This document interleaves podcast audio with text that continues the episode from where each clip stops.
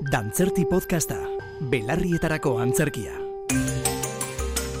Dantzerti, Euskadiko arte dramatikoa eta dantzarako goimailako eskolako ikasleek sortutako podcasta. Kaixo, Galder Perezen estenbako trikua kobraren zati bat interpretatuko dugu.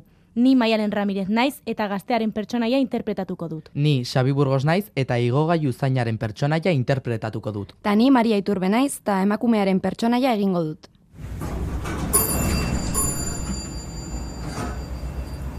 Eskerrik asko. Asko falta da? Asko falta, zertarako. Irtetzeko. Oraindik beste norbait etorri bar da. Ba, nik ez dut inorere ikusten. E, trikunen bat agertu alda hemen? E, triku txiki bat aurkitu alduzu hemen? Txiki txikia da eta oso maitekorra. Berrogei. Berrogei? E, hori ezinezkoa da. Inguruan bakarrenetarikoa dela uste dut. Berrogei pezeta mesedez.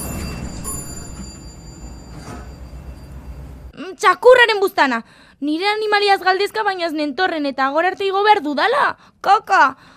Barkatu atrebentzia, baina zer esan duzu trikua? Bai, trikua, lagun estendunak alde egin dit.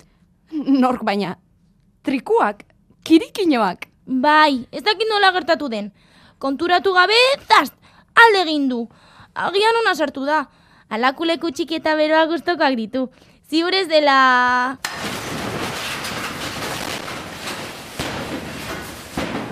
Zer izan da hori? Gelditu dela ematen du. Aien ez esan, gelditu alda.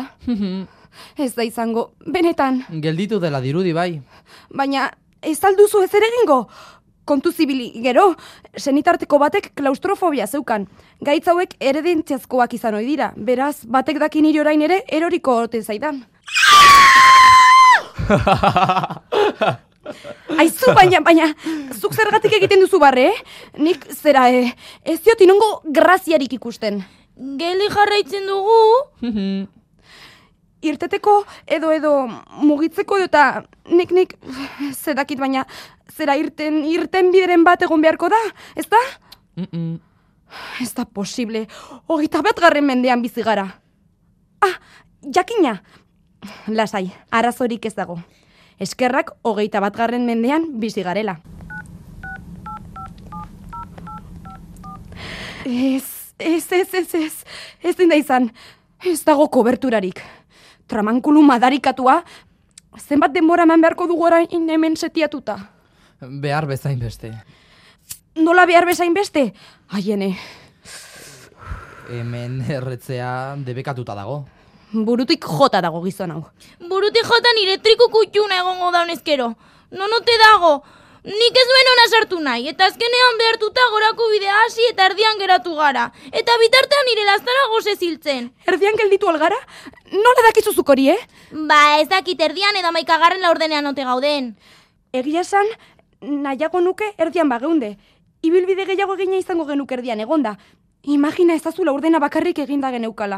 Nik ez duen etorri nahi, hori da kontua, nik ez duen igo nahi. Gora igotzeak ez dizue beldurrik eman behar. Ah, behan dagoenak errez esaten du hori, baina larriena goitik erortzea da, jauzia. Atera itzazue kontuak, eroriko bagina, Falta genuena, erortzea, baizera. Orduan, laurdenean erdian baino hobe. Baina, jausiko gara benetan. Jauzi, eta zergatik ez egan egin. egan? Alitzateke, eta goian egazgoa zela behera begiratu eta azpian dauden eta gorroto ditugun guztiei horiei txistua bota diezagukela. Iepa! Gorroto dut jendeak nigoitik begiratzea. Goitik dena ezberdin ikusten da. Osterantzeko ikuspuntua da. Goitik begiratzen dugunean gauzek irudi desberdina dute, baina zentzua ez aldatzen. Gero eta argiago ikusten da dena. Denak txikiagoa ematen du, eta txikiago ikusten dugu bai. Baina ez dira gauzak txikitzen direnak, gu gara txikiak garenak, nimino bihurtzen gara. Inguruak berarentzat zein txiki garela esaten digunean sume bihurtzen gara. Aitzak adibidez. Eskuartean harri borobila daukagunean berarekin jolastoka aukera dugu. Harritxoa urrunera jaurti edo eta poltsikoan gordez dezakegu. Baina arkaitz erraldoi baten parean gaudenean bera da gurekin jolastu dezakena. Ezinbestekoa da, noizean behin, gore igotzea nolakoak garen ulertzeko.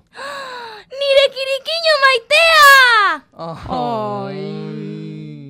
Dantzerti, Euskadiko arte dramatikoa eta dantzarako goimailako eskolako ikasleek EITB podcasterako sortutako podcasta.